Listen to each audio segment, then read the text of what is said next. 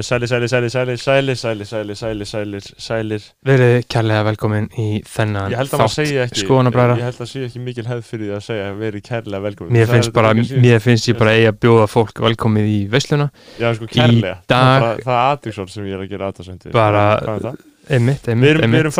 við, erum fólk sem fagnar sko allskils málfari, líka málfari útlendinga. Já, já, já, en málfari allra. uh, Ekkert, Vestur Íslendinga. Einmitt, Við erum ekki, ekkert. það er langt sem við töluðum með vestur Íslendingana Einmitt, þeir hafa uh, þeir er ennþá að uh, að því það er náttúrulega, ég er svona komið á það að það er alltaf í lægi að sletta sko. Mm. Mér finnst ógislegt að vera uh, svona sæðismæður eins og þú að þarna pyrrast út í það sko. Mér finnst að fólki að tala eins og vil tala.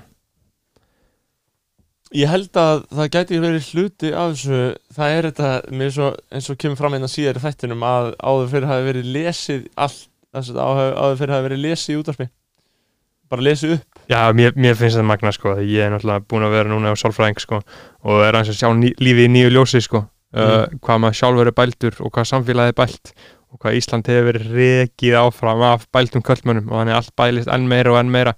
Uh, við tölum frekar um það í þettinum ég finnst þetta uh, skemmtilegt og áhugavert málumni en við erum reknir áfram af framtíðinni patreon.com patreon.com skástrík skoðanabræður. Þar uh, getur þú kæri lausandi uh, gerst áskrifandi skoðanabræðra. Það eru þrjár áskriftarleiðir. Uh, það eru ódýrar það eru næstu í ókjöfins þetta er bara gefins allt gefins þannig að beint inn á patreon.com skástrík skoðanabræður. Uh, þú græðir á þessari áskrift einn auka þátt í hver einustu viku þar sem að við förum yfir hitt á þetta uh, þú, tökum einhver ákveðin mál fyrir, þetta er mjög Þú- skemmtileg þættir. þú getur meira að segja bara ráðið hvað við tölum um í þessum þáttum með því að hafa samband við okkur inn á Patreon. Það ein ásköldulegin er 5 dólar á mánu það er ódýrasta og það er auðveldast að þá farið þannig þátt. Síðan getur líka borga 10 dólar á mánu og þá farið þannig þátt og þú farið til dæmis þennan þátt um leið og við gerum hann bara hann bara bombast inn. Og síðan er 30 dólarar sem er ultimate virðing á þessi nöfn og ultimate virðing á þitt nöfn. Og þá ertu að lesa upp hérna í uppæði þáttar og uh, listin uh, listi þessara gjöfulu og uh, örlátu og réttlátu einstaklinga er Benedikt Bjarnason Brynjar G, Emil Pálsson, Geoffrey Huntington Williams. listamæðurinn Dörb Jóhannes Haugur, Jónas Guðmundsson Kristoffer Daði. Let's.is, þetta með líka verið fyrirtæki. Lovisa Líf. Nafnlaus kona, Naflaus önnur kona. Mm Sverrir Jóhannsson. Tandri Snær. Og Tindur Kárasson og Tómas Óli Eggertsson. Og Áskamur Gunnarsson. Og Úlfur Árnarsson Þetta eru þeir sem var stuðið við bakið á okkur djöfull kunnum við að meta uh, Já, Þetta- ég, get, ég get ekki orða bundist þetta er svo gott. bara ég En þetta gerir okkur kleift að bara búa til efnið Já, já. og, og við erum Já. að búa til veislu. Uh, Við erum líka með gjafaleik í gangi ef þið eru inn á Patreon ef þið skellið ykkur inn, þú veist, þið fáið ykkur áskrift uh, fáið fullt af, fullt af efni og getið líka unnið, þið getið unnið tíus kall, þið getið unnið tíus krónar inneg, þið getið unnið um, hvað meira bæði? Sko, við, við erum sagt í gjafaleik við, gjafaleik, við draugum út 1. oktober þetta eru þrjú fyrirtæki sem Fyrsta að- oktober, svona snemma okay. Já, við, við ætlum að draga út 1. oktober, 1. november og 1. desember Já. Og það sem að eina sem orðið að gera til að taka þátt er bara að vera áskand á Patreon Mhm. og fá þér þessa þætti borga fyrir þá og taka þátt í gjafleiknum við draugum út random, það eru 271 manneskjur inni akkurat núna og við vonum að það er að fjölgi í þeim hóp. Og vinningarnir eru 10 skrónur frá auður þú rukkar okkur og við borgum það tilbaka 10 skall, uh, 10 skrónur innegn frá forlæginu, þú getur til dæmis keftir bækur Hallgríms Helgasonar Mhm. í hljóðformi, rafformi eða bókarformi. Og hálft ár af ókeipis gagnamagni og símringingum frá sambandinu um, við draugum út 1. oktober og síðan ætlum við náttúrulega að bæta í uh, síðan draugum við aftur út 1. november þá er það betri og enn fleiri og skemmtilegri vinningar þannig að býðið spenntið því tjekkja þessu og við glemdum að nefna það að þegar þú gerist áskrifandi á Patreon þá þarftu ekki endilega að vera inn á Patreon appinu eða síðunu til þess að hlusta á þættina heldur farðu prívat link sem þú gerist áskrifandi á, getur sett hann í Apple Podcast appi hjá þér. Ótrúlega einfalt, ótrúlega þægilegt. Bara endilega hugsi ykkur um að hvort þið er ekki tilbúin, tilbúin að styðja þetta þannig að við getum eitt meiri tíma í að búa til þetta efni fyrir Mm. ykkur. Ok, uh, Hallgrimur Helgason, gjör svo vel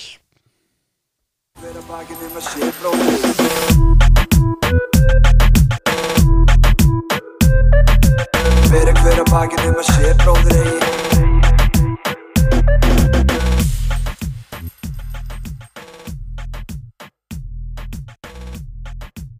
Ég er búinn að íta rekk og við erum konum með uh, skáld í stúdíóið aldrei þessu vant uh, Hallgrim Helgason, verður velkomin Hallgrimur Takk fyrir það. Ertu ekki hress? Hvað, hvað varst að gera í dag? Hvað ert, ert að skrifa um þetta núna? Já, skrifa. Varst að þjást? Er, er það þjáning? Eh, það er alltaf smá þjáning, annars er það ekki gott, sko. Mm. Og maður hafa fyrir hlutunum. Hvernig, hvernig, hvernig lýsir þú þjáningunni? Bara get ekki orðað hugsun sem að, eða fangað hugsun sem að er staðar á flögri Mm. fyrir fram á manni eða í haustum á manni og maður þarf að binda hana niður í orð en Skrifar hann þá gróflega niður hugsunna sirka stikkur og síðan reynir að búa til setning úr því eða? nei, ég býð bara eftir að setningin komi, sko. Já, ég heild Já. Uh, ég, ég er mjög áhuga samir um þetta og hvað varstu þá að þjást við morgun? Hvað varstu að skrifa? Hvað var að gerast? Ég er að Er þetta skaldskapur?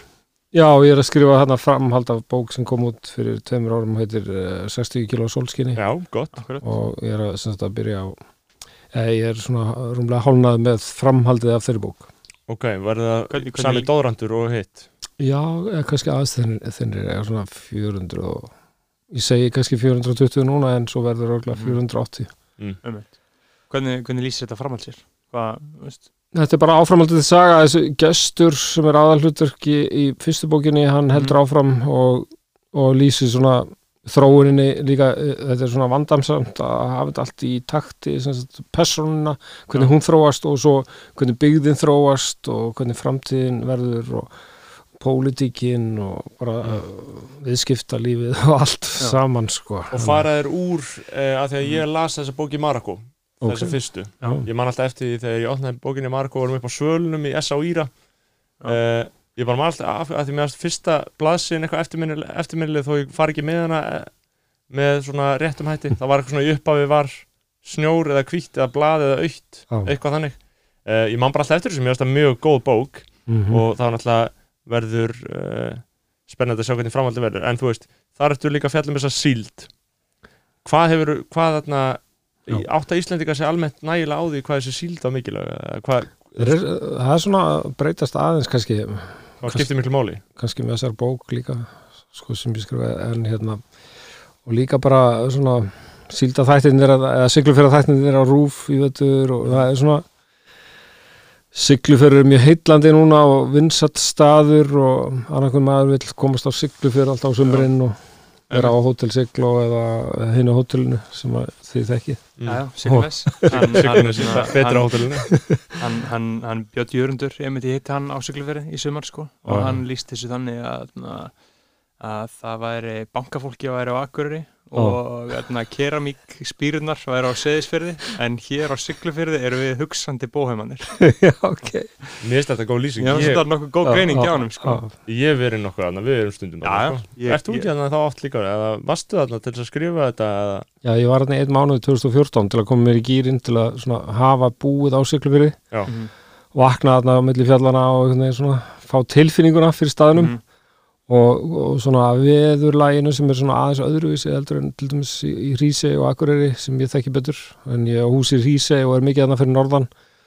Þannig að norðrið er svolítið öðruvísi en sko Suðurland og Suðrið og Suðvesturhóttnið þetta er annað svæði, annað svona svolítið önnu menning og annað lofslag náttúrulega og önnu byrt á sumrin. Þannig að gott að hafa þetta allt sko í æð- æðunum þegar maður við byrja að höfum skoða ekki talað í þessu hlaðarpi við höfum ekki talað sérstæðlega vel um Norðurland ég áður til að tala svolítið illa um Norðurland sko. Já, eh, á hvaða hátt þá? Sko, það voru, það voru náttúrulega, það voru ekki okkar orð þegar hann komið tvo, tveir ungi menn á einhverjum tímpunkti og sögðu að uh, allar, uh, allar konur norðan einhvers ákveðin svæði, ég meðan norðan Hofsós held ég, væru með uh, litningakalla. það var ekki mín orð og ég var ekki Nei, sammála því en, en við gerum svo sem ekki er alveg aðtöðsöndi, við leiðum því að slæta, sko. Uh, en annars skilur við Akureyri, ég hef ekki náð sambandi við þann stað, sko. mhm. Um, ég hef talað illa um þann stað sko. finnst ég ætti að láta því ég vantar skortið með skilninga þess að því ég verð ekkert verið sérstaklega með þetta eru bara fordómar sko. ég byggit Ah, alltaf fordómum sko. Já, já, þetta er eins og bara maður er með fordóma líka til dæmis skakur Danmörku eða eitthvað svo kemur maður á staðin og þá er náttúrulega fullt af næst fólki sko auðvitað. og þeir eru ekki allir rasistar eða fordóma fullir og tala niður endur Íslendinga Mm. sama að það fyrir norðan þeir eru náttúrulega eh, svolítið svona einangurina sinnar inn við beinið þú, ert ekki akureyringu nema nema sem sagt þú sagt, fæðst á akureyri og fóreldræðinni líka og afi, afiðin og amma Já.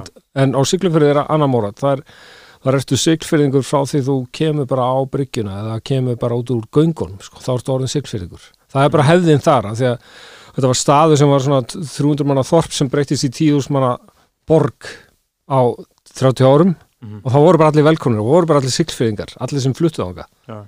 og þess vegna kallar háls þjóðin sig, eða gerði á tímabli, Mhm. siglfyrðinga. Einmitt. Þannig að það er svo margir frá siglufyrði.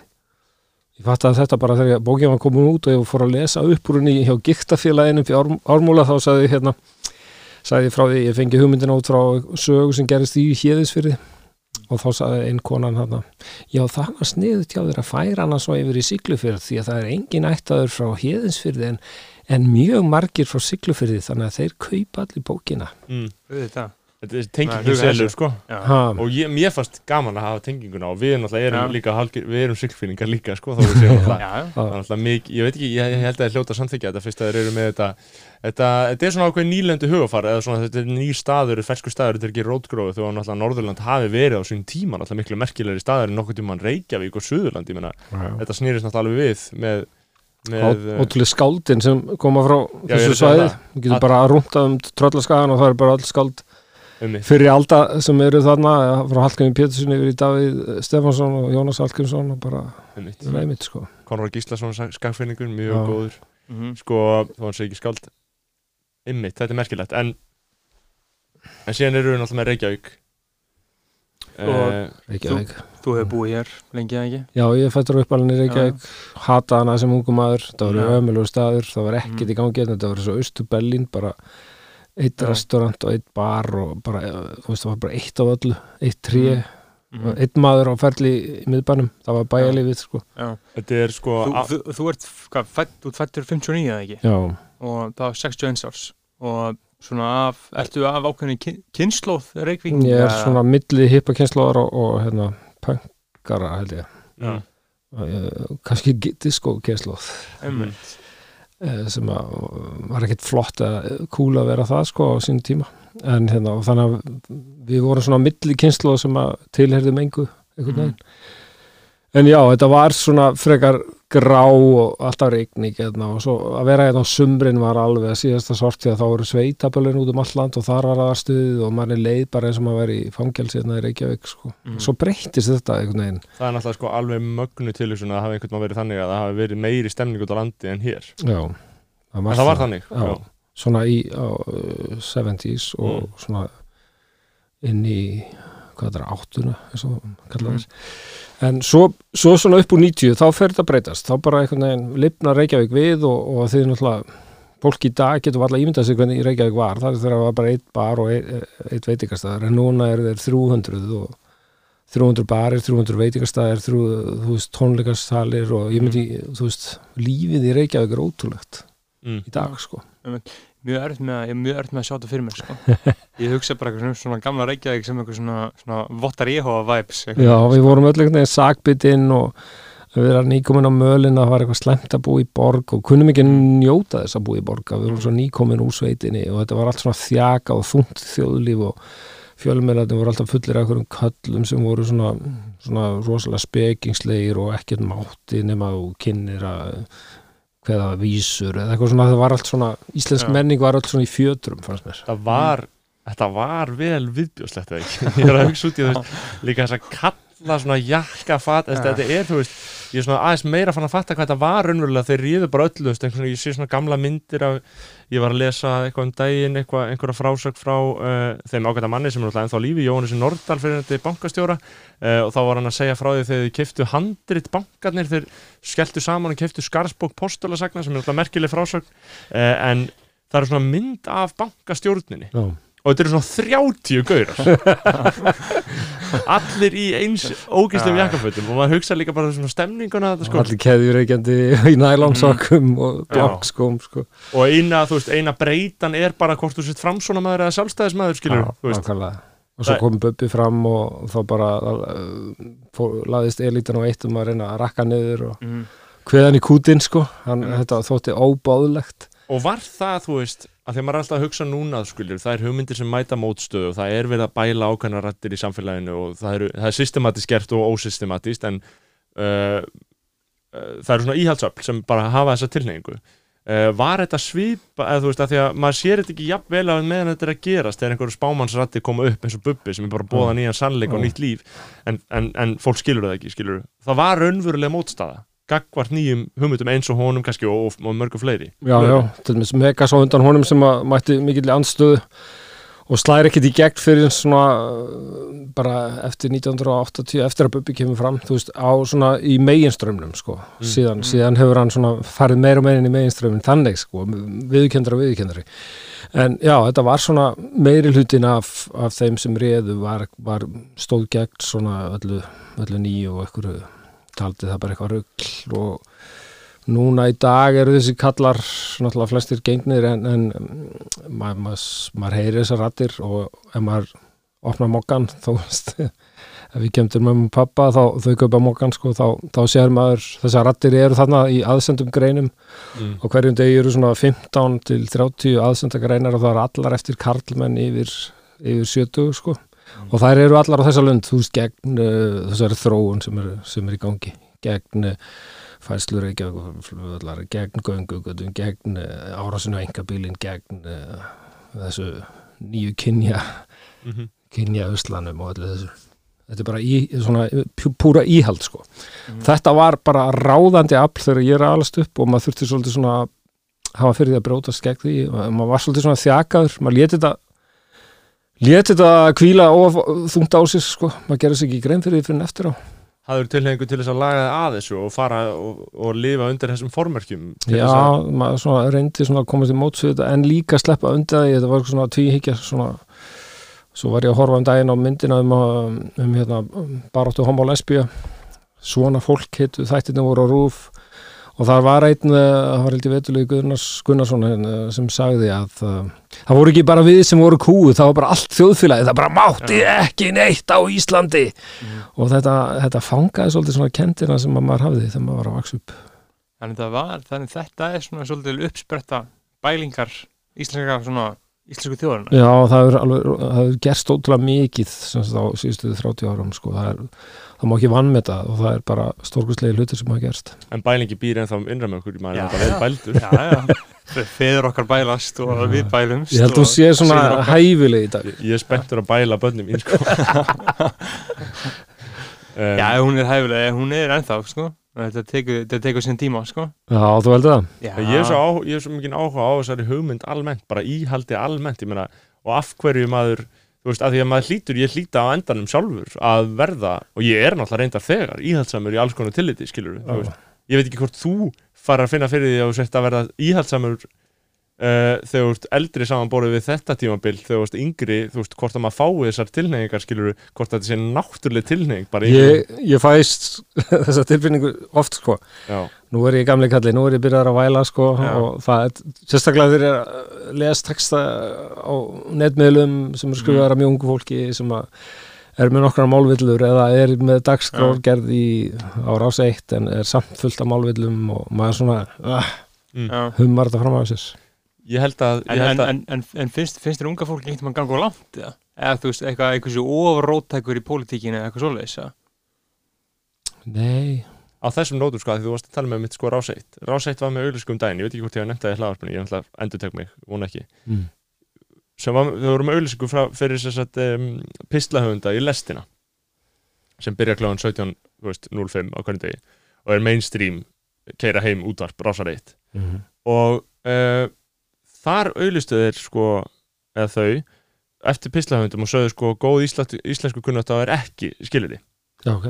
Af því þetta er svona eins að, veist, það þarf held ég að mínu mati að verða einhver smá breyting af því þú veist, það, það, það, þetta er hættuleg tilneying sem maður hefur, sko, þessi, þetta málofbeldi, skilur, sem er að, segja, þú veist, ef þú kannt ekki fullkomlega þessa reglu sem við höfum sett er sem er þessi andlitslösi staðall, þá máttu ekki tala sko.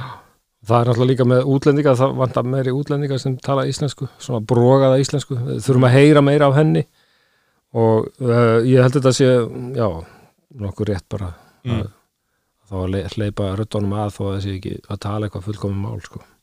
Já, ég held að það sé mikilvægt að við gerum það um, að því að í svona málræktar fræðum þá náttúrulega ef, þú- ef þú leiðrittir á mikið þá fer fólk að snúast gegn því bara að nota sjálft málið sko. já, og íslenskan er nú svolítið svona gamaldags tungumál mm. það má alveg leika sig með, það má alveg þróast það má alveg verða verða svona þægilegri notkun sko. við erum svona, þetta er náttúrulega svolítið svona handrita tungumál sem við erum að tala Mhm. og ekkert rosalega þjált fyrir nútíman en það hefur samt sko breyst sem sagt talmál, það var náttúrulega ekki talmál í útarspíkanlanda, það var allt skrifað niður sko, að, að það var handrit á öllum þáttum, þannig að það er bara að byrja svona upp úr 85 eða eitthvað þegar rástöð kemur að, að, þeir voru vist með handrit líka þar í fyrstu þáttunum. En, en svona svo, svo, verður þetta meira svona afslappað fólk fer að bara tala upp úr sér og, og svona þessi þessi mál, já, nota íslenskuna bara svona á afslappaðan hátt. Er, við höfum búin að læra það bara á 20-30 árum sko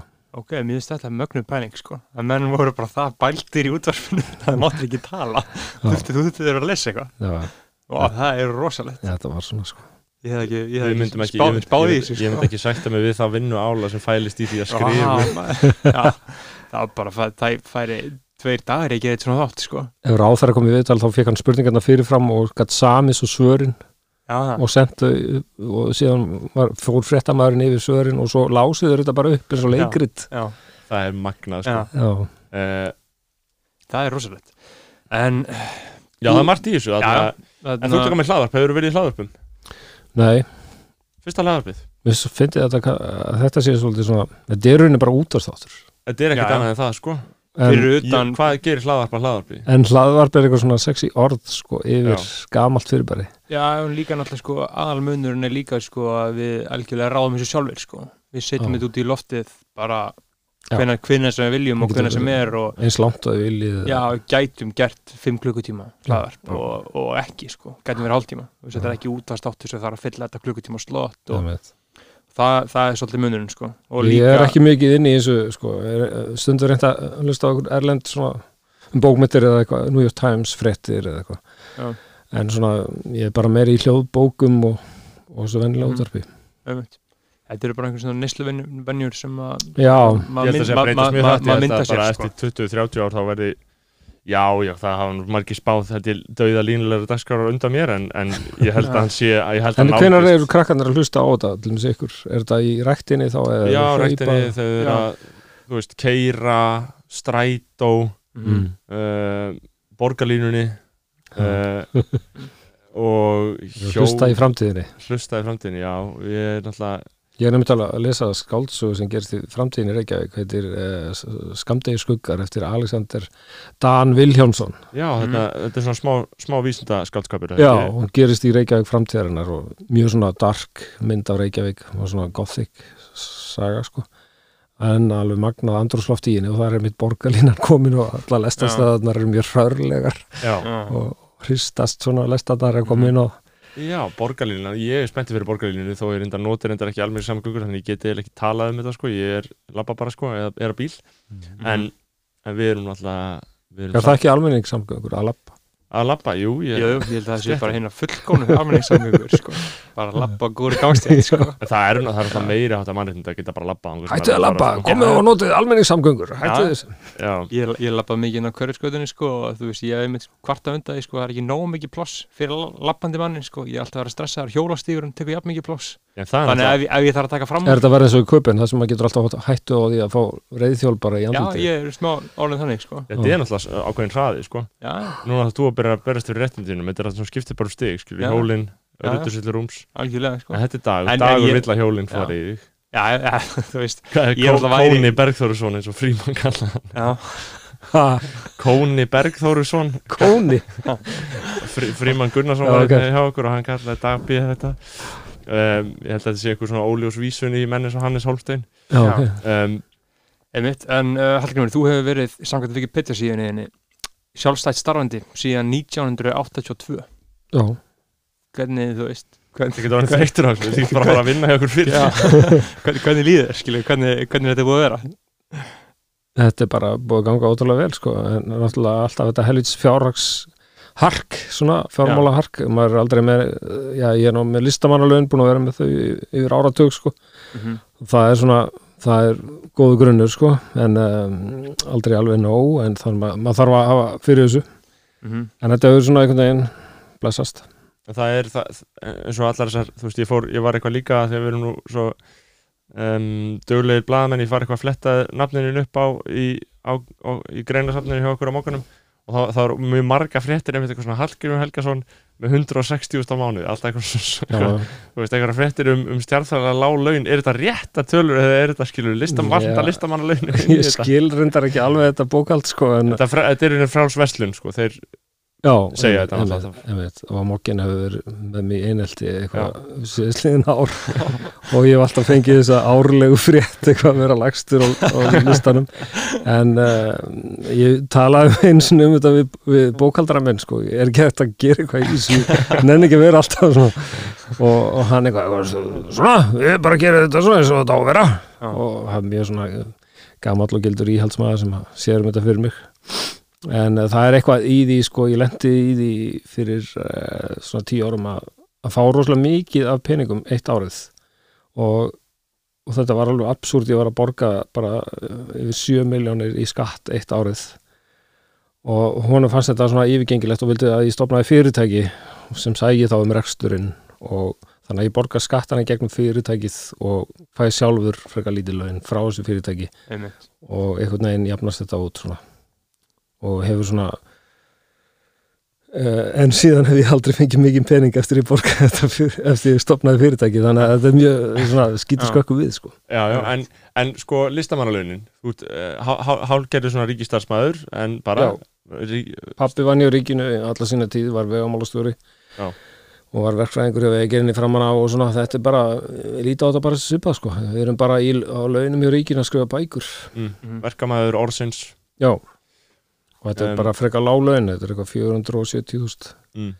nei, nei 407.000 og svo fáið þið, svo fáið þið eitthvað af bóksölunni eða seljast, ég meina hún seldist ákveðlega þessi bók já, og það, og þú færið eitthvað 2 miljónir ef þetta selst vel, sko, Mm. 2-3 miljónir og þú ert Mm. þrjú ára að skrifa bókina það gefur auðvitað að það er ekki hægt að lifa þessu sko. já, já. stundum kemur frá útlöndum eitthvað svona glæningur eins og gerist þarna um árið hjá mér ég seldi bók mjög vel sem er enda skrifað á ensku og, og svona hvað Það- bók var það? Það bók sem eh, á ensku heitir hún The Hitman's Guide to House Cleaning Mhm. Já, einmitt og á íslensku þess að- tíu ráð til að hætta að drepa fólk og byrja að vasku mm. og þú skrifaði hana á ennsku já, og svo þýtti ég hann á íslensku sjálfur og, og, og þetta gekk svona þetta er svona svo bók sem hefur selst best hjá mér erlendis Mm. Athyglisvert að hún, þú hafir ætli fólk sé þá hrifnara af henni að því hún er skrifað á ennsku eða vilji síður kaupa þýðingar eða ég veit ekki, ég held að fólk haldi að hún sé þýtt sko, fólk sem kaupir hann á ensku haldi Já. að hún sé bara svona eins og þýtt skaldsaga en hún er það þýtt bara áður en hún skrifuð já, heimitt Mm. þetta var svona bara tilraun hjá mér þýðandi minn sagði, you can do it Já. prófaðu bara að skrifa á ensku ég er hún svo þreyttur á að reyna að þýða þetta Mm. það er Mm. Þannig að ég ákvaða að prófa. Þetta var svona hugmynd sem passaði fyrir það. En svo var ég tvö ára að skrifa þessa bók og var á endan orðin mjög þreyttur. Maður þetta að googla, þú veist, hvert einasta orðleiku við sko, hvernig Já, er ég- þetta notað? Í hvað samingi er þetta notað? Eitthvað, maður finnur það ekki bara í fingrunum sko, eins og maður gerir með maður heldur að maður sko, heldur að maður er svona glaður íslendingur, bjarsýtn og saklus og heldur að maður geta allt og talið aðeinslega góð ensku en svo rekum maður sig á vegg og, og finnst þetta ekki nógu gott hjá sér og svo byrjar maður að efast um hvert einasta orð og Mm. þannig að ég var mér fegin að komast aftur yfir í íslenskuna. Einmitt, ok, mest selda bókin. Hver, hver er besta bókin? Hver, hver, hver, hver er svona, hver elskar mest?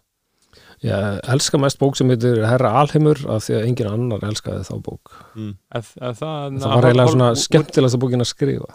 Er það na, Woody Allen, Já, Hollywood já, svona game komedi um guð og, og útrýma mannkinn og þetta er svona uh, svona mock Hollywood movie sko. já, bókin er skrifað eins og þessi kvikmynd og gert grína því allan tíman og Mhm. það er kastað hverja einasti persóna er það er innan svega hver leikur hana í myndinni sko. já, þannig að Guði leikur Mal- Marlon Brando leikur Guð Mhm. og svo Woody Allen er aðstofamaður hans og svo Salman Rushdie Salman Rushdie hérna reytufundur, hann er leikur brjálaða vísindamannin sem er að búti nýtt mannkinn og, mm.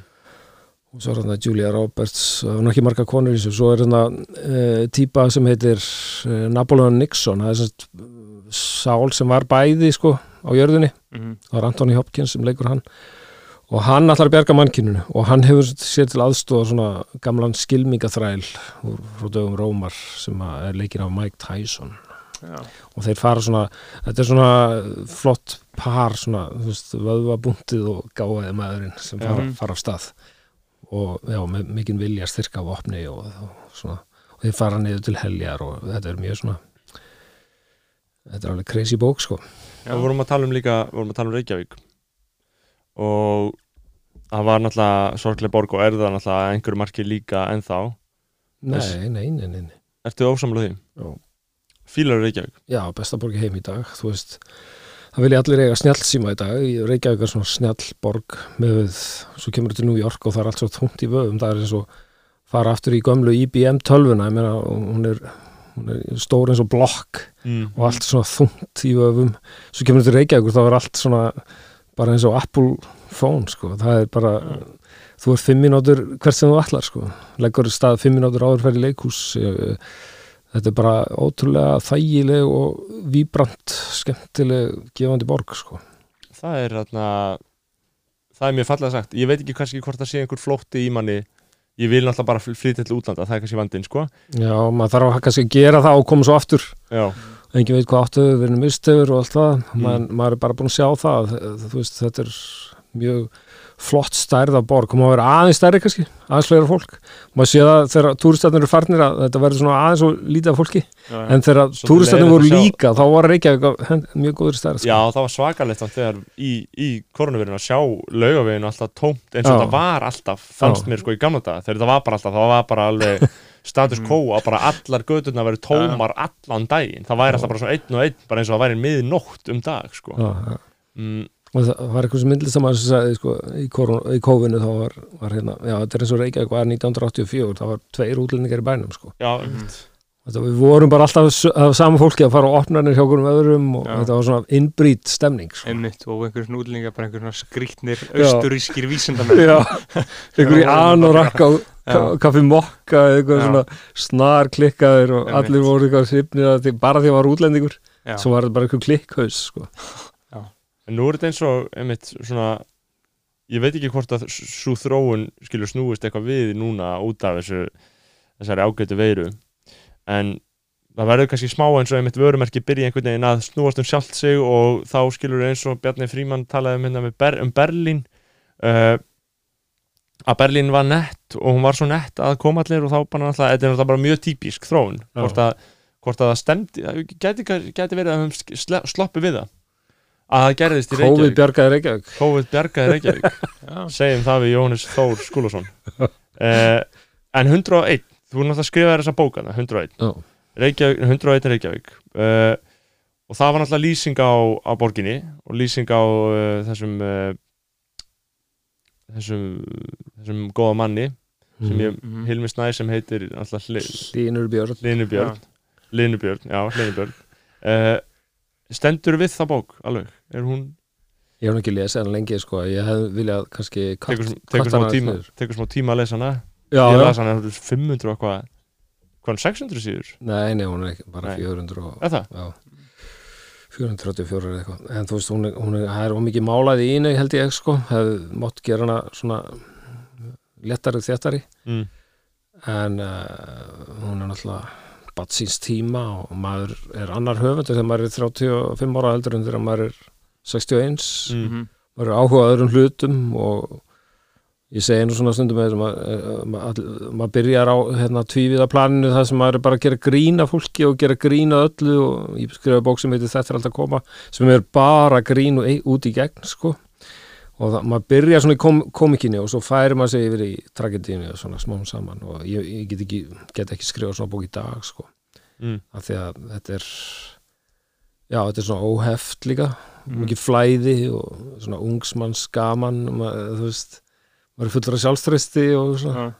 En mér finnst áverð, ég held að hefði sagt í einhverju villali sem ég hlusta á þig að þú, þarna, þegar þú gafst út þessa bók að þá held allir að þú var að tala um sjálfa þig já, það var svolítið að þú erfitt sko. væri bara eitthvað Já. kl- klámsjúkur kjallaramæður, Já. skilur ég gekk með hauspoka um tvö ár Já. hérna eftir sko. Hvern, hvern- hvernig er þannig í dag ef þú skrifa bara um eitthvað, þú veist, ef þú skrifa bara um 61 árs gamla mann Ertu ekki alveg búin að jafna þig á eitthvað að fólk fara eitthvað að sjá þig í einhverju eða? jú, jú, mér, mann er alveg sama um, það er, kemur ekki nefnir með árunum maður er alveg Mm. sama hvað sagt um mann eða sagt um verkin eða mm. maður, er- maður pyrrar sig ekki lengur á þessu sko þannig að já, maður er afslappar því sko Einmitt. Held að það hafi verið, já, það var í hérna, hip-hop og pólitík þáttur sem að na, þú og MC Gauti já, voru að tala saman já, Og- kjartani hérna. Já, hjá Kjartani og Þorpinni Þólasinni sem að er PR maður samherja í dag sko. sem seldi sál sína djálinum Heyrðu, sáu Já. það, það var hann að það var líka verið að segja að Jón Óttar sem er að, hann að gesa bara rannsóna lögreglumæðurinn, Já. hann er búin að fá 130 miljónir. Fyrir í laun, bara í, no, á nokkrum árum bara Já. viðbjörslega há laun sko. á hvað mörgum ára ég, þú veist, þetta er náttúrulega allan að frá því að þú veist, ég veit ekki hvort þetta hafi verið frá því alveg að þetta sæðlabankamál byrjaði sko. en þetta hefur verið allan 130 allan bara þessi gaur hefur fengið 130 miljónir allavega á þú veist, svona 5, 6, 7, 8 það er svona árum hægt að skrifa bækur ég las bækunar sko já, fyrir um, um, um hvað er það er? Þetta er svona Já, eða, eða spærabækur eða ekki? Jú. Jú. Já, ég, ég var svolítið spenntur fyrir þeim sko, því að hann var svona insider í löggunni Já, Mm. og manni fannst þetta allt svona mjög svona sannferðugt og authentic já, þannig að ég var svolítið hrifin að þessu hjá honum sko, já, alveg, bækunar já, bækunum, alveg trú á, hann fekk mig til að lesa eina til að gefa svona Mm. eitthvað til að segja blörb á, á forsíðuna sko. svo bara hætti hann alltaf inn að skrifa þannig að ég skil það núna af hverju hann hætti Já, Ég er að snúa sér öðru. Já, Mitt vinnur minn sem heyrði þetta áðan var að segja djúvill djúvill gæti maður grætt ef maður færi yfir á the dark side sko. Já, þetta er freistandi. 130 miljónir skilur Fyrir, og, og það er ekki eins og hann sé jú, hann hlýtur að vera nokkuð fær. Ég meina, við getum ekki efast um það fyrst að hann fær 130 miljónir hann er búin að tapa þetta á um grindinni sko. Já, samkvæmt þessum uh, að sem- hann er að gera fyrir samfæriða þetta er eitthvað, hann er bara komin í eitthvað rugl það er náttúrulega klassist, margur verður öðrum api og mm. þetta verðist bara að vera rætast í honum sko. Já, ég skil ekki alveg þessa herferð hjá þeim sko, en mér líður samt eins og þau ná þeim text að grafa undan rúf með þessu Já. Ég held að þau náu ætlunverkin sínu sko. þeir var enn ekki svarað uh, hvort þeir uh, voru að múta og það er að vera bráðum ár og hann var í viðtali á uh, ég, uh, sprengisamtu daginn það sem hann sagði, já við munum svara þessu við munum leggja okkar svör fram. Ég meina, akkur er ekki búnir að því? Þú veist, það er bráðum komið ár síðan kveikstátturinn fór loftið þannig að allt þetta, þú veist, vil ekki tala við fjölmiðla, fara undan í flæmingi flýja inn á kaffihús, þetta er náttúrulega bara bendir til eins að, að þetta sé rétt sko, að þeir Mm. að vera að múta. Og ert þú, ert þú upptekin að ertu upptekin að pólitík og dagumálum og ertu lestu, lestu og pyrrar þið á þessu Já, já, maður er í þessari ég er bara búin að koma að staði að það er eina vitið er bara stefna á þessu stjórnarskrá. Þa, það er eina Mhm. sensin til að laga þetta gerspilta þjóðfélag sko. Já, að keira, er, er það nýja Er bara, er, eru menn að tala um það? þú, þú hugsaður Já. lausnum og sér þetta sem bara lausnuna Já, það er vinkonum minn Katrín Ottsdóttir hún er, gerir, er bara í vinnunni í þessu þegar ég ætti að fá hann í viðtal sko. Við fengum það stelpur, sko, við fengum Gunnildi Fríðu og og, Ósk það, já. það er góður liðsauki sko. það er Mm. gama þegar unga fólki svona, tekur við sér mm og það gefur svona hinnum eldri eh, svona nýtt blóð sko. og þannig að já, þetta er, ég hef trú á því að við verðum bara þetta er eina sem við getum gert. Við erum náttúrulega með ríkistjórn sem er svona íhaldsstjórn sem er bara same old bara áfram. Mhm. og er ekki að gera unni mikið sko. Uh, sem betur fyrir kannski. Uh, og hérna og þannig að það mun ekkit breytast undir, undir þeirri stjórn og þeir vilja ekki breyta stjórnarskráni og uh, þetta getur verið reynd að kjósa eitthvað nýja stjórn í næstu kostningum en menna Það verður eitthvað svipa Já, þetta er orðið svona einhver patt staða sko, þú veist, viðreist píratar samfélking er í 40% núna sko, þá þurfa þeir vinstirgræna með sér sem verður svona held ég bakki sko, ef að þeir koma með. Uh, svo getum við fengið framsókn með. Hver, hver heldur að eitthvað fari fílu ef við afgið kemur með þessa stjórn? Nei, ég held nú ekki sko, ég held sé allir til í það Það sko, verður rosa stór. en það, þeir, þeir eru svolítið svona erfiðir í ríkistjóðum eins og þeir, Jóhanna var í stort sko. Mm. vildi breyta öllu bara að stokka allt kerfið upp. En það, þeir dró alltaf lappirnar sko. þeir dæmis í kvótamálunum eru ekki til í að breyta neinu þar sko. þeir eru einu kvótaflokkur sko. okkar ágætu vinstri grænir já. Um, það er mjög svona, ég er búin að pæla mikið í vinstgrænum því kona mín er í vinstgrænum mm, og svona, það verið svona þegjandi samkomlega á heimilinu að vera ekki að tala mikið um pólitík með þessi stjórn yfir völd sko, og Katrín er vinkon okkar. Mm, og mér þykir vænt um hana og, og svona, þess vegna kannski erfitt að horfa upp á hana í þessu hlutverki Mm. að vera gengin í bland við tröllin sko Mm. og, og hérna þarf svolítið að lúta þeim að sér það aftur og aftur og aftur að þið þurfa að kingja þessum fræga skít sem að sem að drífast nætal talaði um já, en svona í heildina þá, þá ég var í vinstri grænum í svona fjögur ár og það, mér fannst eitthvað svona skringilegt að það ferð að semst, þetta er fólk sem telur sem vera mjög rótakt í huga þeirra er það mjög rótakt en, en, en svo þegar hólminn kemur þá er vilja bara gamla Ísland sko. það er þetta er mjög skrítin blanda og ég, ég tók mér mörg ára að fatta þetta. Hvað, og ég skil þetta ekki alveg enn hvernig þetta getur farið saman af því að við þurfum, eða ég að ég legg svo sem ekkert matað á hvað við þurfum. Ég veit ekkert hvað flokkur er réttur til þess að gera þetta veistu landi.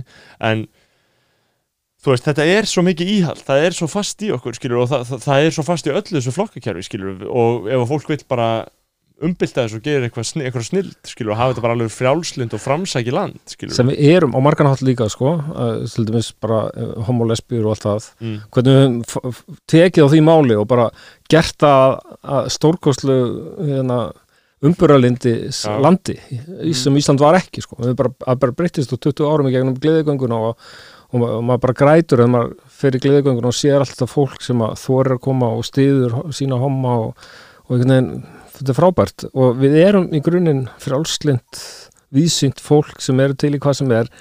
En kerfið okkar er rosalega stíft og til dæmis bara það að breyta klukkunni var ekki hægt. Mm. þá hún sé vitlega stilt það, það er ekki einu svona hægt að breyta klukkunni. Nei. þú veist, Eins og það er bara rosalega andstaði gegn því í kerfinu, eða þú veist, þjóðarinn að vilja alveg þjóðarinn að vilja nýja stjórna sko, breyta klukkunni og yfir svona framfara mál sko. Mhm. og, og það er alltaf að tala niður um þetta klukku, tala niður til klukkumálsins sko, þetta sé bara ómerkileg hvað er að en tala um klukkumáli, þetta getur, hva, hvað myndi felast í því að breyta klukkunni, ef ég væri þá er hádegi kannski hálf eitt í staðan fyrir hálf tvö þú veist, sólinn hæst að punkti þetta er svona regla Byrjar, sem þú að þá, er, þá, er þá líklega að það sé bjartara þegar ég vakna Já. Já. Já.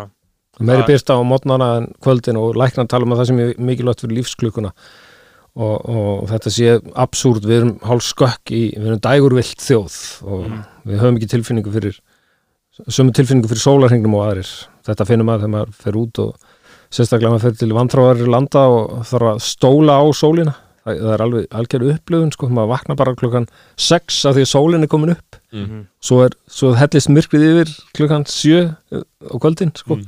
og þá þá fer fólk svona fyrir að sofa að, í takt við nákvæmlega ég, ég, hreyfingu ég, jarðanar sko. ég bjó í Breitlandi og það er þetta gert tvissar, Mm, já, tvissar ára Bara breytt klukkunni. Já, þú bara vaknar og símiðin sér um þetta fyrir þig Já. og þú bara eitthvað vaknar og þú veist, allt í hennu vaknar ég heldur reyndar að Európa saman hægt að ákveða að hægt að gera þetta. Já, það var bara, held ég, bara í fyrra sko. Já, uh, og þá bara fórst að sofa og síðan vaknaður og klukkan var uh, átta en ekki sjö. Og þú bara helst áfram með daginn og hugsaði ekki meður um þetta sko. Það og alla, í- alla snutöflur og allt bara 100% breyttist automatist það var sko. ekkert mann í Berlín sem ég var einmitt bara um, þetta gerðist þetta um miðan nótt og þá byrja, þú veist, þá skapaðist rugglingur á milli símans míns og úrsins míns um miðan nótt og ég, ég einhvern veginn hafði ekki fengið þær upplýsingar að þetta væri að fara að gerast sko. og þetta Mm. var bara rosa skríti, ég var svona bara hm, ok, en við erum ekki að tala um þetta. Við erum að tala um að breyta bara klukkunni í eitt skipt fyrir öll já, Bara- ok Já, grundvallar við erum að gera breyting. það. hún er ekki, klukkan á Íslandi er ekki innan eitt samkvæmt sólagangi, heldur er um tólf þú veist, þannig að bara færa aftur og svo verður hún bara það sem eftir er, við erum ekki að fara að ringla neitt meira með Ok, það sko. ég held að við varum að tala um eitthvað svona eins og í Breitlandi eitthvað sem breytist nei. aftur og aftur eitthvað þetta er svona bara, þetta var ákveð 1960 og eitthvað mm að því að viðskiptalífið krafðist þess að því að þá gata verið uh, sko, meira uh, í sambandi við Evrópu þú veist, það var ekki búið að missa af uh, lokunartími í Evrópu þá, gat, þá þurftum við alltaf að ringja til dæmis á skrifstofutíma í ákveði númer. En nú eru náttúrulega snjallsímar og þetta er, þetta er absúrt að við séum ennþá með hennar tíma sko. Einmitt, þetta er bara að kröfu einhverja gamalla já, kalla sem voru að vinna fyrir loftleiði eða eitthvað svona sko. Já, svolítið eins og bara allt á Íslandi arfleið uh, bældra jakkavatakalla Já, sko. Svona, sem þeir ákveða við til þetta vinna þema þessu viðtali. Já, Ég væri alveg til í að bara fara að vera svolítið talsmaður þess að breyta klukkunni en mér er enda sko alveg drullu sama. Alveg sama þóttu breytum þess eða ekki. Er ekki flestum það? eða?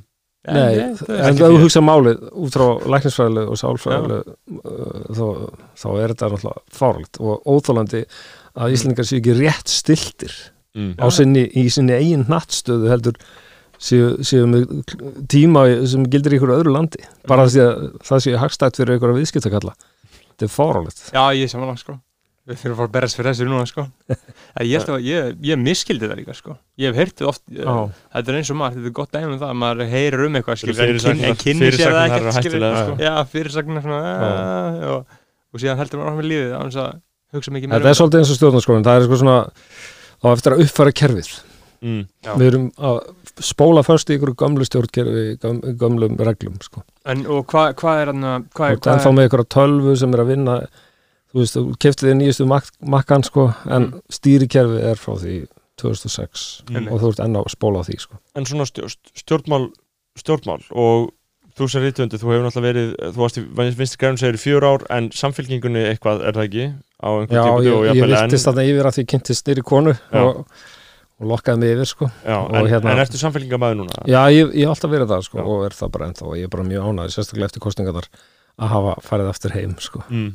Og það var svo góð tilfinning að koma heima það sem maður, maður á heima sko. Við höfum hugsað það hérna í skoðanabræðurum við höfum alltaf að hugsa skiluru uh, fólk tala rosa mikið um hvernig það vil bæta samfélagi og hitt og þetta en sko fólk á okkar kynslu er hikandi mjög við að uh, sko ég og ég sjálfur fló, ef að flokksbynda mig, ég nenni bara ekki ég nenni ekki vesenu sem, sem því fylgir.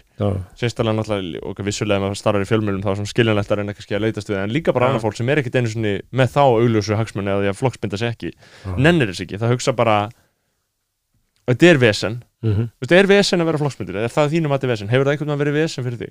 Þú getur alveg, þú vannst alveg, þú vinnur íslensku bókmyndavelunin, þú ert ekki útrópaður og útskúfaður kommunisti, en það er náttúrulega samfélkingin ekki kommunísku flokkur, þeir sjá líka um að það er mjög gott sko. nei, nei, það er allir gafni sleftu þá, þá hef ég bara svona jú, jú, maður, stim, maður er með stimpil á sér sem að fellur ekki vel í vissa kreðsur og maður er búin að hamast mikið gegn sjálfstæðarflokknum að því þeir eru svona burðarflokkur í, í, í, þeir eru svona eins og kongressflokkurinn í Indlandi eða, eða kristilegi demokrata voru í Ítalíu þetta er svona mafíuflokkurinn í ríkinu sem að, það sem að samherjarnir koma saman og Mm. borga í flokksjóðin og sjáum, sjáum sína já, þannig að þeir ráða þessu þess vegna, þess vegna má ekki breyta neinu nema sjálfstæðarflokkurinn samþyggi og Mhm. það er ekki hægt sko.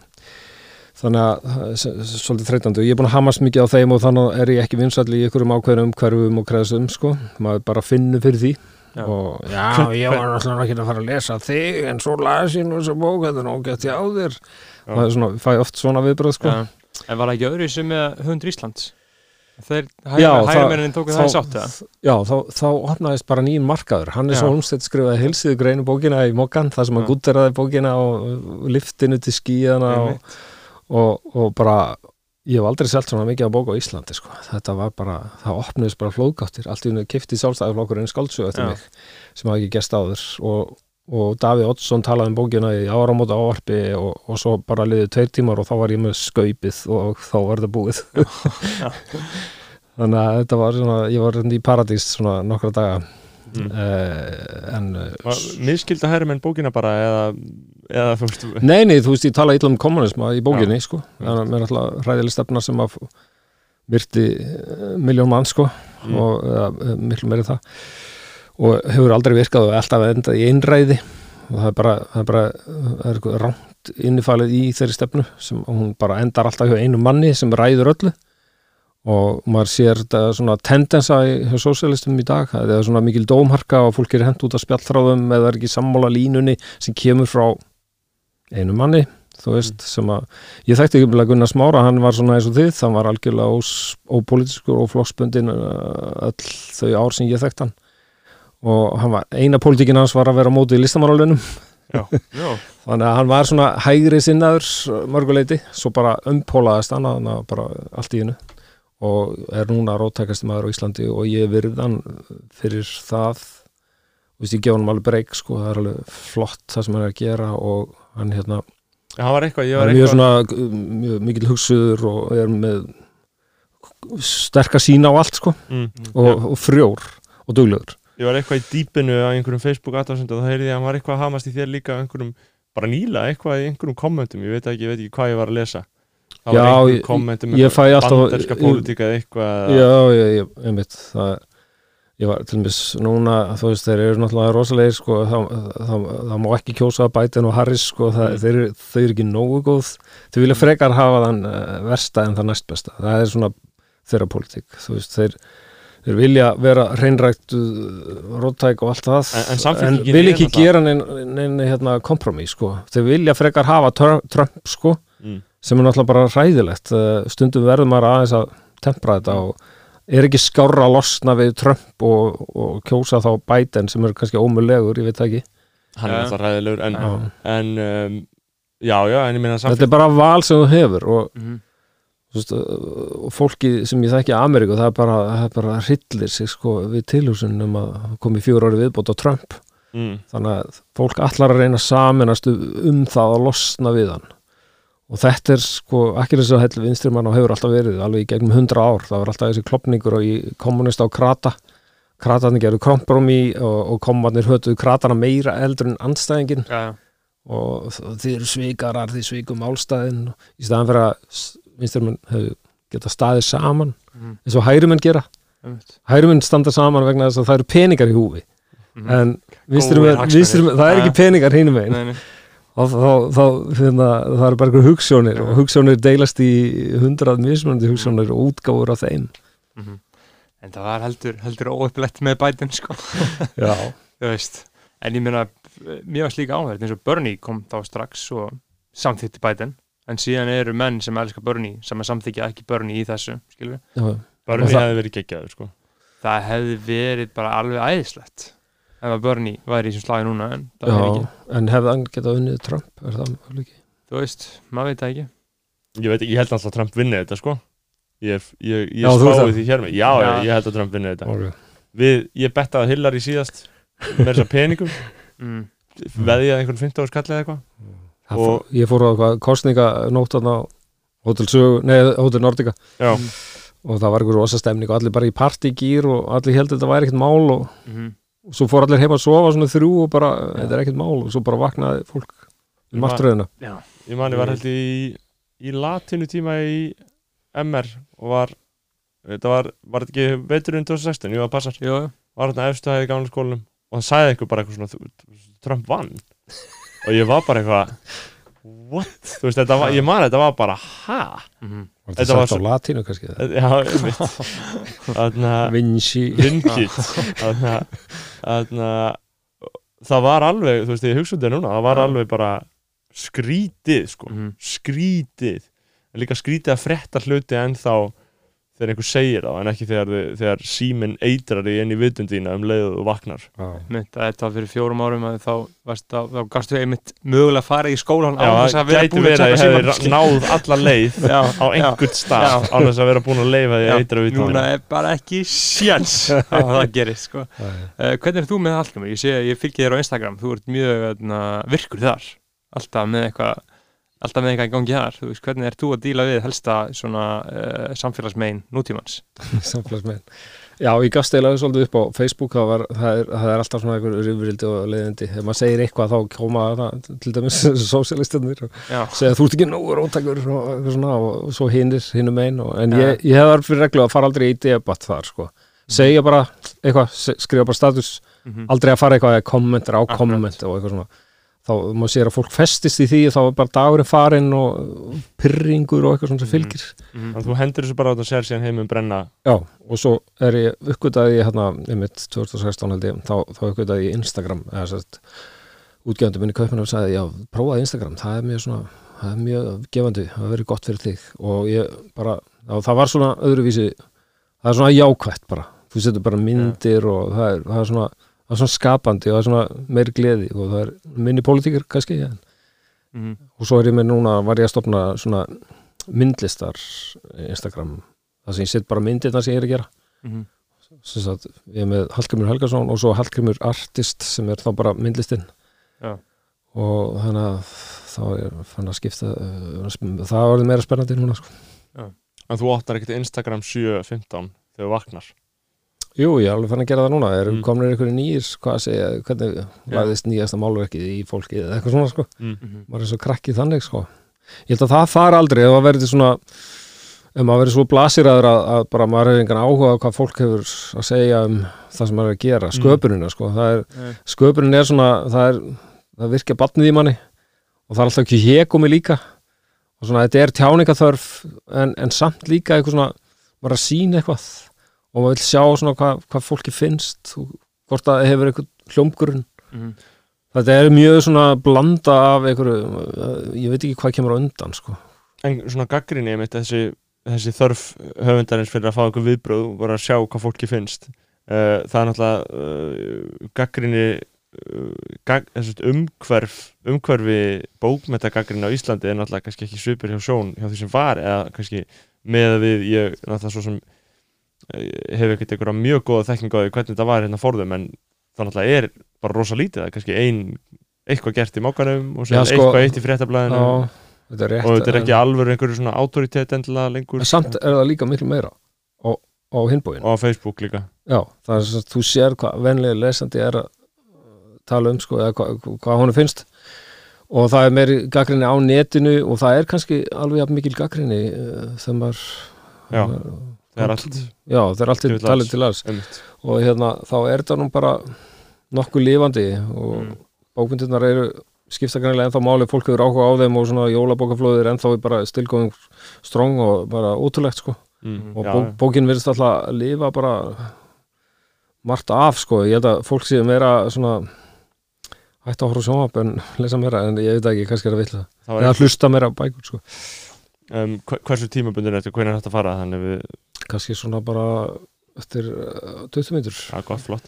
Nei, en, en, en sko, við vorum að tala um gaggrinni eins og ég held að okkar kynnslóð ef að einhver uh, væri að gefa út bók ef að væri einhver ungur rittöfundur það sem að bara er eiginlega ekki það er engin svona 25 ára að, að þú veist, gefa út eitthvað sem er svona að verður vinsælt skilur, Mm. af því að það er bara markaðurinn er, er ekki endilega til fyrir það. Mm. Jú, jú, það er alltaf einhverju ungir sem koma Jú, það, það er alltaf Dóri DNA, er hann gammal? eða eitthvað? Já, hann er, hann, er Fríða Ísberg, hún er ung já, já. já. hún er vinsall það, það, það er rétt, en sko en Dóri DNA er gott dæmi að ég og okkar kynnslóð myndi ekki meta það hvort við ættum að kaupa bókjarnans út frá því hvað við lesum í mokkanum með fréttablaðinu, eitthvað svona gaggrin Nei, sko. það er bara einhvern veginn meikar ekki sens herra Neytismjör gáð plötu núna fyrir viku Mhm. og það er enginn að tjekka á því hvað einhver gaggrinandi er að segja mann skilju, Já. það er öllum drull fattirðu. Það er bara hver og einn eiginlega bara verður þetta fyrir sig og fólk bara deilir þessi stóri og einhver segir þetta um þetta og þetta En Hvernig mælir fólk hvernig bækur, nei, hvernig plötur ganga? Er það bara Spotify-lustanir eh, í, sem telja? Já, og sko, og síðan líka bara mjög mikið að leifa tímanum að tala sko, af því að núna er náttúrulega tónlistin hefur breyst á þannhátt sko að þú gast bara markasett einhverja plötu bara þegar geisliskur var, það gast bara markasett hana bara hardcore og fengi alla til að býða rauðum til að kaupa hana og síðan kannski var þetta ekki gott Já. og, og þá kefti fólk þetta samt en hlustaði ekkert, Nei, en núna sýnir Spotify raunverulega hversu mikið fólk hlustar sko. Það er sannari success. Já, þannig að þú veist, auðvitað eru fyrstu uh, svona fyrstu, það er, alltaf fylgst með að kemur ný platu út eins og herra nettismjör núna síðastlega fyrsta þá býður maður á laugadegi og sér Iceland Top 50 updateast sko. Já, og þá fara von, ven, vanalega það vinsala plötu koma út, öll lögin ræða sér upp þar sko. Og áhugavert að fylgjast með uh, hvað hann fær mikla spilanir þar. Hver, Það- Hvar er þessi listi þessu? Er á Spotify bara? Já, bara hann heitir bara Iceland Top 50, 50 og þar, Kemur alltaf á 50 uh, nei, bara á, á, á, á hverjum degi sko. Á hverjum Já, degi? já, þess, já. já, hann eftir þessu hverjum degi sko og þetta er mjög áhugavert eins og bara vinsalasta lag á Íslandi í dag er uh, Wet Ass Pussy já, Wet Ass Pussy með Cardi B og Megan Thee Stallion skilur. Ok. og Svífirðilegt klámlægi sem spilaði inn enda þáttan bara frábært klámlag sko. Já. og, og næst vinsalasta lag er frambóð eftirspurn eftir herrin heitismjör skilur og síðan eru öll hinlaugin hans að nekstar Já. neðan rauðina sko þannig að það er áhugavert að Það geta, þú veist, dómarnir hérna heima geta líka alltaf verið svona það, er ekki alltaf, fólk er ekki alltaf að tala um það, það, það sem er að dæma heldur líka bara svona hvernig ég þóla ekki þennan ekki eða það er svona Já, tilfinningar á bakvið sko. ég, man, ég sá að heiða í unun sallaði niður Monsters of Men í mokkanum gaði bara Já. eina stjörnu eitthvað, ný plata kom út ég meina alþjóðlega stór band sko. bara núna, ný, nýja plata já, síðasta plata og Já. hún bara, þetta var eins og eitthvað svona ég veit það ekki, þetta virkaði ekki, ekki vel á mann sko. eins og einhver hemd, einhver Mhm. Hefna fyrir það er svo klassíst Já. að að fá episka útrás um, með því að gaggruna eitthvað sétt ég hefði aldrei í mig ég, dæmis, ég kann mjög illa við að þú veist, ég vinna hann upp á baka það er svona að fólk getur skrifa gaggruna og ég gæti alveg verið að dæma bækur en ég bara, ég hef ég hef þetta ekki í mér sko Ertu Ég- beðin um það?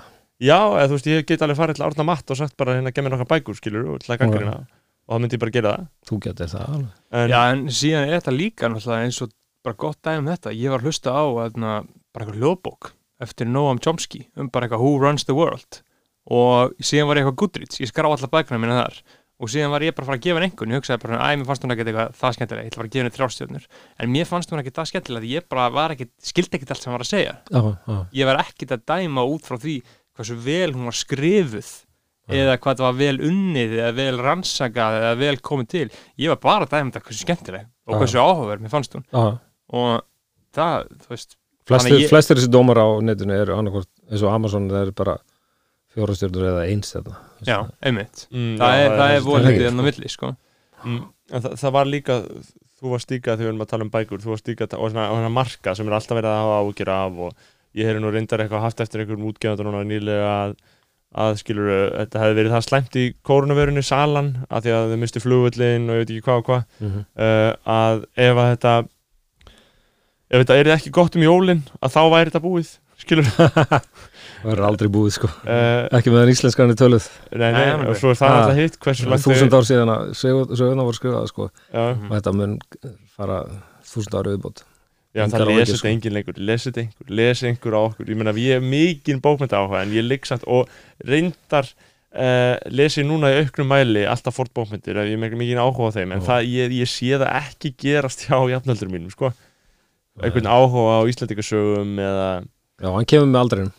eh, heldur það? Já, já, já. Þannig að þú ert óvinnilegur fyrir þinn aldur en hinnir, uh, þú veist um 60, með, hvað, var fólk að gera þú veist uh, nennir ekki endalist að horfa á sjónvapið eða eh, hérna eða fylgjast með fréttum eða eitthvað Já. það kemur bara, ég er á þessum aldri núna, ég er bara að lesa eitthvað klassík ég var að klára sjálfstætt fólk um daginn og, og, og, og kláraði njálu fyrra og, og, og hérna var að lesa æfisög göti í vor og eitthvað svona bara svona, maður leitar í eitthvað svona algjört fornaldar grúsk sko Já, Mhm. og hérna þetta eru bækunar sem maður fílar og það er bara þannig að já, maður, ég tengi við það. maður, maður nennir ekki kannski að fylgjast með nútíma bókmyndum jafn vel sko. En, en já, það sögunar kikka inn svona eftir 60 held ég. Ég var að, ég var að þarna, lesa, ég var eitthvað bara áðan, þá var ég í vinnunni, vorum að skoða, ég og kollegi minn aðeins, um, vorum eitthvað aðeins að fletti gíslasögu, þegar þarna, auður kona gísla uh, er beður um að segja til gísla og hún á að, uh, hún á að fá 300 silfurs greitt fyrir að segja til gísla þegar Eyjólu Grái kemur til hennar og beður hann um það okay. og hann reyðir upp sjóðinn með 300 silfurs, eða silfri eða hvernig sem að begi það og hún tekur við því og, og neglir í andlita á hann ber hann og segir skaltu það mun að vesa allir maður á meðan þú lifir að kona hefur barið þig?" Mm. og ég er að hugsa sko þetta er svo epíst Já, og það er fólk er að fara með svo mikið já, að þetta sé ekki til einhvern veginn aðgengilegt eins og þú náttúrulega hefur í hyggjubærþóra að kvikmynda þetta ég, ég var uh, fyrir tæmingum stattur í dýraferði og horfði á útlagan sem sagt kvikmyndu útgáfuna af Já, já. Gísla Súsunni Já. og það var bara, það var bara frábært Þetta var ég aldrei séð þá mynd, var, var hún svolítið góð hún er ekki góð hún, sko. hún er ekkert spes Nei. sko. Nei, hún er ekki en, góð, þetta er ekki en, góð mynd sko. en Ágúst Guðmundsson held ég já. gerir hana og það, Gerða mætt, vanemdum kannski svona vanefnum. Um, það mætti margt fara betur sko, í bara lýsingu og kvikmyndatöku og hann gera bara Gísli Sússon the movie. Algjörlega svona, já, það er bara að gera Gísli Sússon, the movie, A- Aron Móla í skilur, hann er Gísli Sússon, og bara bæta smá Game of Thrones klámi inn í þetta, skilur, og bara. Einhverju svona, þú veist, kredita með einhverju eitthulegum En skilur það hafa alltaf einhverju verið að segja núna, þú veist, núna kvikmyndu við njálu, skilur, en þetta hefur verið á, ég hef lesið lærða greinar um það um þess að hvernig tilnefingin fer bara alltaf, eða hvernig sko, alla tilnefingin fara út úr þúurt til þess að gera þetta. Það þorir engin, það hefur, þú veist, það þorir aldrei neitt í þetta. Það fara allir á taugum um leið og bara er nefnd og það var eiginlega sögulegu viðburu þegar Þorvaldi uh, uh, hérna, hvað var, heitir var Þorvaldi þarna, já, var Þorvaldi Hérna. Erni Þorvaldur Örn, já, Já. já. hérna, þegar hann, hún tókst að- setja þetta á sviði í Borgó og þetta var bara klikkað góð sýning og, og crazy og bara og hann hafði ekki, hann hafði ekki hérna hann hafði ekki ómikla virðingu fyrir við, viðfársefninu, hann fór ekki á taugum hann bara tókst á þetta eins og maður á að gera sko. Ég það er kannski bara þetta er málið en talandi um þess að sögu þarna með 600 Silvursós Mhm. Þetta er eitthvað sem að Gaurinn hefði átt að gera við 130 miljónir frá Samherja sko. mm, slá þessu ba- tilbaka já, Já, svíkja það já, róta á með, með þeirra einn peningum. Já, þetta er ótrúlega flott sena. Þetta er nefnilega svo, Já. þetta er svo góðu skall, hann rótar hann, hann rótar hann og ég man ennþá eftir því að að var, við lærum þetta í metaskóla sko, Já. og það var hérna, svona mynd af sem Haldur Pétursson hefur teiknað eitthvað mm, af kona þegar hann slæðir hann með sjóðunum í og heldur á sjóðunum sko. Sjóður er líka svo gott uh, gott fysisk góð fysisk pæling, bara að halda á sjóði sko. Stóri sjóðurinn, spari sjóðurinn. Að sækja sjóðin, skilur, að sækja pókan svolítið fjársjóðurinn sko. fjó, sjóður uh, mm, og skaltu það muna vesell maður meðan þú lifir að kona hefur barið þig. Uh, bókmæntir vorum að tala um bókmæntir líka áður, Mér- áður en við sleppum þér Mér langar að spyrja þau um að uh, Storytel já, ég var einmitt ára að tala um storytel Já. en þú skrifar einhver grein á stundinu það Já. þegar þetta gerðist og Já. þau kifti ykkur Er eitthvað, er eitthvað nýtt að frétta það? fengu þig í kaupæti ert þú þú í eigu svíja Já, ég, semst, maður er bara að skrifa sína bækur og svo allt í hennu bara uh, einhver ný gaur sem á lagarinn sko og alla bækurnar Já, og já. gerir samlinga við mann og Mhm. þannig að maður er alltaf í eigu þetta er svona eins og vera fótboltamaður einhver liði sem að skiptur um eigundur Mm. Og allt í hennu konur einhver siðlausir arabar sem að hérna, En svindla og eitthvað svona. Og maður ræður ekkit maður gerur ekkit seg í því sko. En eh, já, Storytel kifti þannig og ég skrifa eitthvað grein sem var meira svona velta fyrir mér stöðunni. Gæti ekki tekið ákvörðunum hvort það var gott eða slæmt sko af því að maður, maður veit það bara ekki sko. Nei.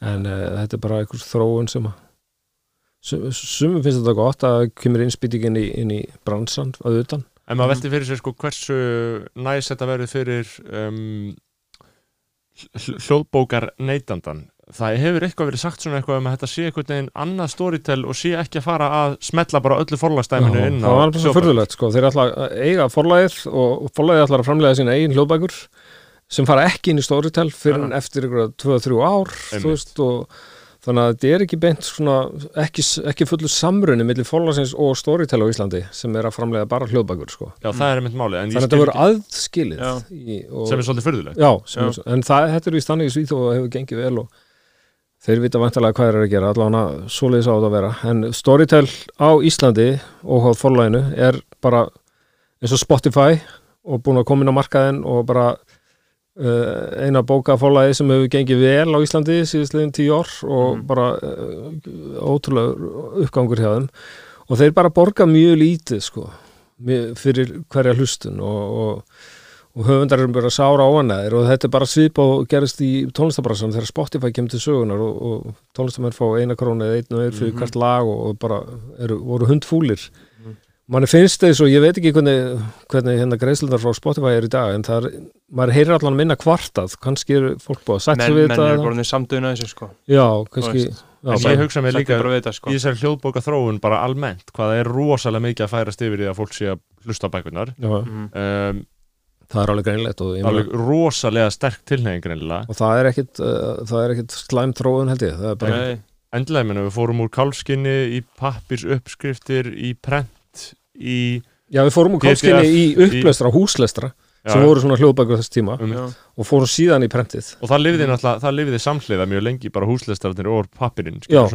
Já, þannig að þetta er ekki nýtt hannig og Nei. að höfundar síðan að lesa bæ- bækur inn Mm. ég meina Dickens var stórstjarna í Bretland á sín tíma fór í svona hljómleikaferður um eh, Bretland og 2000 manns mættu til að hlusta og hann bara lesa upp úr sínum eigin verkum mm. og hann drap sig á endanum á þessu að álægi var svo mikið, það er svo Mm. erfitt að lesa svona upp kannski tvo tíma á kvöldi þetta er náttúrulega performance sest og og mikil orka sem þetta krefst og en allan að, já, hljóðbókin ég hef bara tekið henni fagnandi og hef verið að lesa mínar bækur inn. Mm.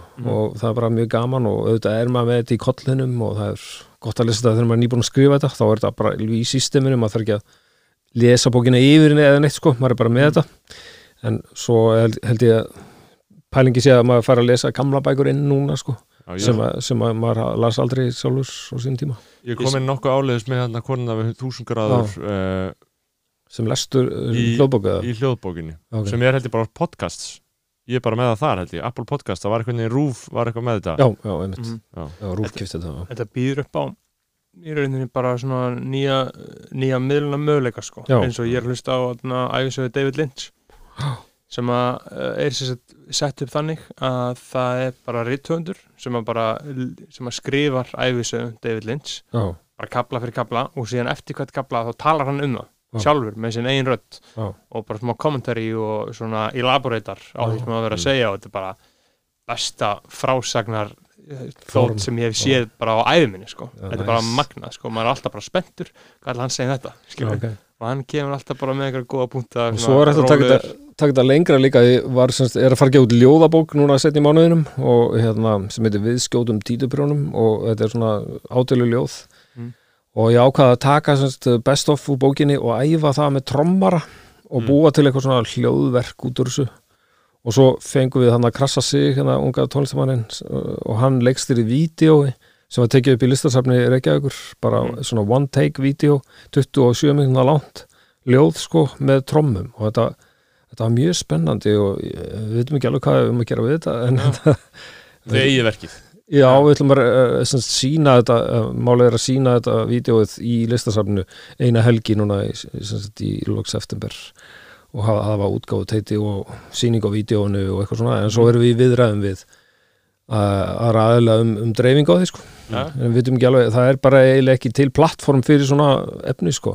Með, þannig að þú veist, þú, það er til fyrir hljóðbækur en ekki fyrir vídeobækur sko ja, Þannig að- Vill Nei. Rúf ekkert heyra þetta? ha, Vill Rúf ekki já, við erum að tala við þá sko þeir Já. eru svona með áhuga Sjónar Símans ha, Sjónar Símans, Já. stöðtum marathon já, það, það má prófa Stöð það 2. Þetta og síðan beintið yfir auðvitað og, og Já, ég veist, það er en alltaf 101, eru þeir ekki með sjónvastöð hérna eða eitthvað? þeir, þeir eh, fram, framlýstu fyrirtæki og sem er sínt mikið á stöð 2 sko.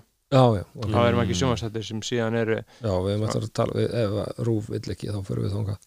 Já, það eru uh, spennandi ekki en eitt svona lokum sem ég glemt að spyrja með þarna bækunar og samningana við forlögin. Átt þú höfundaréttin af eigin bókum eða út af því að forlæðið gefa út eiga þeir réttina já, góð spurning. Ég, er þetta eins og til dæmis tónlistin skilur þau, allir ég tónlistin held að þeir eigi semst, upplægið sem, sem er inn á lager já, en ég á hérna, réttir á Texta. bókinni. Já, ef, þú ef þú þarf endur útgefuna þá þarf að semja við mig aftur. Aftur, ok, ok. Og bara þessi fysiska bók sagt, bara gripurinn sjálfur. Já, en þú veist, þú átt allar setningarnar og já, þeir mætti ekki nota það í einhverja aðra safnbók eða eitthvað svoleiðis. Nei, ég man ekki það er ykkur ákvæði um námsbækur held ég í samningnum Já. að þið megi nota eitthvað um um einhvern, fyrir skólana eða eitthvað, ég man Já. það ekki alveg. akkurat. Allt fyrir börnin. Ég er ekki nóg mikið lagfræðingur í mér en góð punktur samt. Já, að ég hef að hugsa sko hvort að forlagin sé ekki svona óþarfi í dag, skilur. Eins og, eins og plötufyrirtækin eru óþarfi. Og Já. síðan, hefum við líka hert orður um það sko þegar ég spurt höfund af hverju gefur þetta ekki sjálfur út? Til freka basic sko, þú bara sendir einhverja prentsmiðu og sendir þeim textan og lætur gera hann upp og borgar eitthvað borgar kannski hálfa miljón og kannski taparu, kannski græður 200 úr tilbaka eða, eða græði 500 tilbaka ef það gengur vel þá færð þú allan penningin ekki og, en síðan hafa líka þá komið upp þær rættir að þetta sést pólitíst að þú getur ekki fengið listamannlaun nema að þú sért hjá Já. ef þú ert sjálf útgefin þá er Mín reynsla er svo, ég mæli með því að vera hjá forlæði og mm. og það liftir þér eitthvað annað plan þú fær yfirlestur og og það er svona aðhald og þér finnst þetta meira alvöru Mhm. og fólk tekur meira mark á því eh, maður hefur séð svona þegar strákar og stelpur eru að gefa út sínar eigin bækur að það er svona til dæmis kunna bara ekki að á pappirinn eða setja Já. leiðjátið þú veist, að, þetta er svona ákveðin kunst sem Mhm. er til þekkingin er til inn á fólögunum og svo er náttúrulega bara yfirlesturinn og allt það. Þeir leipa ekki öll í loftið þeir, þeir vanda til verka og dreifing líka að fara með þetta í alla búðir er fokkin mikið vesen. Já, og svo er það náttúrulega algjör þrældómur og hana, þeir gerðu þetta á sín tíma hérna fyrir margt lengu, Þóran Eldjátt og Pétur Gunnarsson held ég, Mm. báðir fóru vel af stað sem höfundar. Mhm. ákvaða svo að gefa út bækurnar sjálfur og, og eh, mér skilst þeir hafi gengið mjög vel svona fjáraslega sko, og komið undir sér fótum, kefti íbúðir og eitthvað svona sko. Einmitt, ég er með að hugsa það sko en, en ég held að það hafi ekki verið gott múf svona uh, listrænsið sko. Þegar þú, þú einhvern veginn ferð út í hotn í samfélaginu þetta er eins og að vera myndlistamæður og vera ekki með galleri eða vera Mhm. uh, þú veist að sumir sem ég þekki vilja ekki vera með galleri að þeir vilja fá allan penningin sjálfur galleri tekur yfirleitt 40% sko, Mhm. af sölu en þú veist, uh, það er bara fylgir í svo mikið svona ég veit ekki, það önnu tilfinning að vera, Mhm. að vera með eitthvað svona fólk í kringu þig sem er að hjálpa þér og, og hérna, stiðja við þig og þó að taki pening fyrir það og bara er allt í lagi sko. Já. það er aðtilsvært, þetta, er- það- þetta er svar að því maður hugsa þetta náttúrulega Já, já, ég meina ég hugsa, ég er með tvær bækur sem er náttúrulega uh, ge- klára og gefa út, skilur Ég hef sagt við þig Men- líka þetta bara, þetta er þessi íhaldsama rödd bara, ég, ég myndi bara fara með þetta til forlas af því af hverju þarf þetta að græða einhvern auka 300 skall í stæðin fyrir að bókin sé bara mjög vel og garð gerð, góð mm. verður sprettur úr einhverju samhengi um, svo er bara ekki Trúverður- tekið mark á sjálfsútgáfi eins og Nei, ég er mikið. að uh, spre, það, er strax svona trúverðugur- þungavikt í því að þú kemist inn á gott forlag sko. ég, ég held að þetta sé bara svolítið íhaldsamar hugmyndir, sko þú Ok. veist, að það sé frek, frek, frekar auðvöld og einfalt í dag Nei, sko, ég held að veist. þetta verður bara svo spassalegt ef þetta er að- er að kannski er þetta svona í tónlistinni er þetta svona í tónlistinni Þetta, þetta, var, var þessi hugsun orðið tónlistinu Þú getur ekki gefið út nema sem er plötufyrirtæki Uh-huh. og núna eru þau bara obsolít allan á Íslandi, sko Já, Þannig séð, þú veist og hver er svona editor eða hver sér um netusmjör fer með þetta á Spotify eða? Hann, alltaf, það, er, það er Sony í Danmörku sem að dreifir hann, hann, dreif, hann, dreif, hann, er útgefandi okay. hann er með, er ekki beint hann er, eigin það er eitthvað svona gott að fá eitthvað svona speil sko, Akkurat. sem segir og hvernig líst þér þetta? Það er öðruvísið þú ert að skrifa og þú veist þú færið eitthvað svona eh, eitthvað eh, reflex sko, á það sem þú ert að gera. En í staðan fyrir að þú sett bara einn og svo bara hendur sér frá þér akkurat Ritstjórn er bara mjög verðmætt Ef hún er góð, skilur hún er ekkert endilega góð. Ég veit, ekki, ég veit ekkert um ritstjórn á Íslandi Ritstjórna er svona frekar nýtt fyrir bara Íslandi það er svona Já. þróast á meðan fyrstu bækuna mína voru bara nánast gefnar út Einmitt. og ritskoðar eða ritstjórn eh, Mhm. og ritstýrt Eh, til dæmis 101 hefði ég viljað fá meiri ritstjórn sko, hún var bara látin fara uh, þannig að svona, en núna hefur maður lært maður hefur lært að þetta er sársöka fullt sko, að, að fá gaggrinni Mhm. þú ert búin að vinna eitthvað í þrjá, fjóra vikur uh, lengur og svo kemur eitthvað og segir þetta er, mm, þetta er ekki nógu kapli, þú verður bara að byrja upp á nýtt. Uh, þetta er ekki að virka. Og náttúrulega að kunna að segja að það er heldur mikil kunst. Já, þarft að vera nett, svona Já. nettur svona sociopati til þess að vera góður, rit- rit- góður svona held ég. Já, já, já. bara ískaldur bara, við vorum að taka hann að kapla út hann er svo líður Já.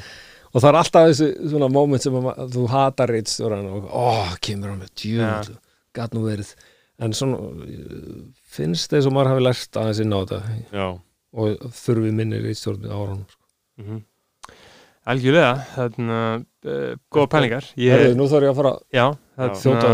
þetta er á já, þetta er bara búið að vera frábært hjá okkur já, Já. mjög gott að fá uh, heldig, góð skáld í bræðralegið Já, já. Kallmann Vikunar en þarna, annars sem ég skrifa mér þarna, átt þú upprunalega frassan uh, Vakka og Velta, nei kemur það ekki frá þér Nei. er það eitthvað mið, til. íslenska þýðingin á rock'n'roll sem já, nei, það var til það er eldra sko já, það var- hvað, hana kemur það? nei, þetta er eitthvað svona 50s 60s dæmi sko. Bara skella okkur tímarit.is já. Það kemur örugglega- það er með, með góð vefur upp á það að gera getur Já. séð hvað þetta byrtist fyrst algjörlega um, Takk kærlega fyrir Já. komuna já, takk, uh, takk Hallgrímur. bara, þetta var mjög frólægt og þetta var leiðið svo tíu mítur bara já, Við þarna erum uh, Þú gefur út ljóðabók núna en jó, uh, gefur út skáldsögum næstu þessi 2021 eða já, þá kemur framaldið Já. á komum framhaldi sem, hvað heitir það? uh, 60 kíló af dun, dun, dun, dun, Einhverju öðru. Já, einhver öðru 60 kíló á solskinni 2 Einmitt, það er stafning, við, bara, við býðum spendir mm -hmm. Já, bara takk hérlega og, og góða skemmtun í Njarvík Já. Fjóra eitthvað Jarvík, áfram Jarvík Áfram Járvík, Áfram Njarvík, guð takk blessa ykkur. hérlega, bless